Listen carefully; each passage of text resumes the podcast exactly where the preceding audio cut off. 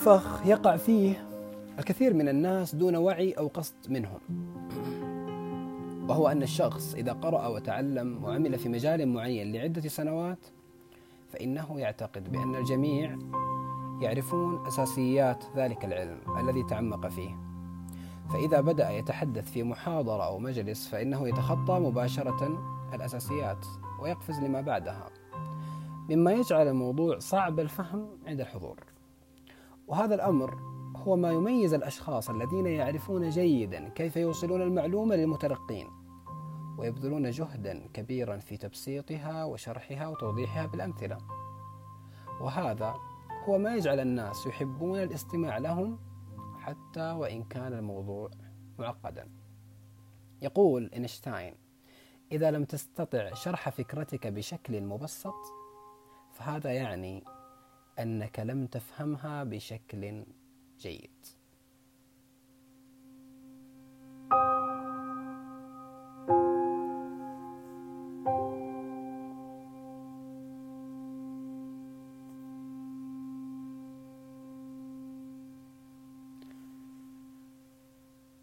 في العام 1945 اجتمعت دول الحلفاء في بوتسدام مقدمة إعلانا شديد اللهجة بشأن شروط الاستسلام.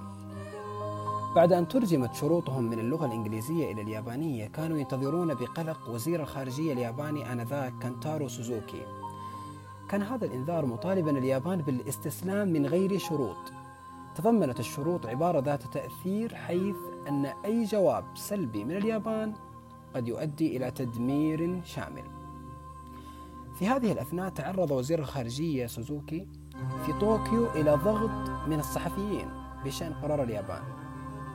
لم يتم التوصل لأي قرار رسمي ولهذا أجاب سوزوكي بكلمة واحدة 黙殺 هو رد سياسي قديم يعني التعليق محجوب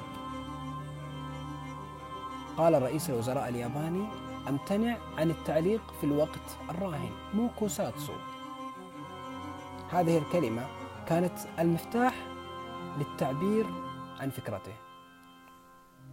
وهي كلمة يمكن أن تفهم بعدة طرق مختلفة لكنها مشتقة من المصطلح الياباني للصمت.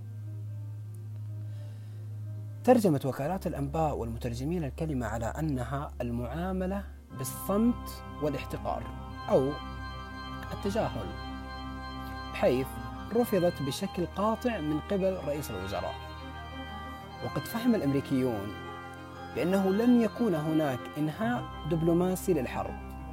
وعلى طبيعة الحال منزعجين بما اعتبروه النبرة المتعجرفة المستخدمة في الترجمة اليابانية لرد رئيس الوزراء.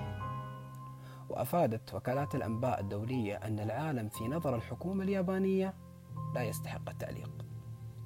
موكو ساتسو كلمة كانت تترجم. دعونا نتجاهله أما في وقتنا الحالي تعني لا تعليق. أو اسمحوا لي أن أمتنع عن التعليق الآن.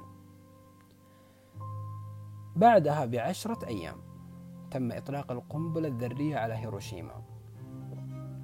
تسبب خطأ في الترجمة.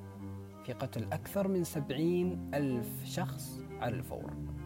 وحوالي مئة ألف نتيجة للتدمير والإشعاع.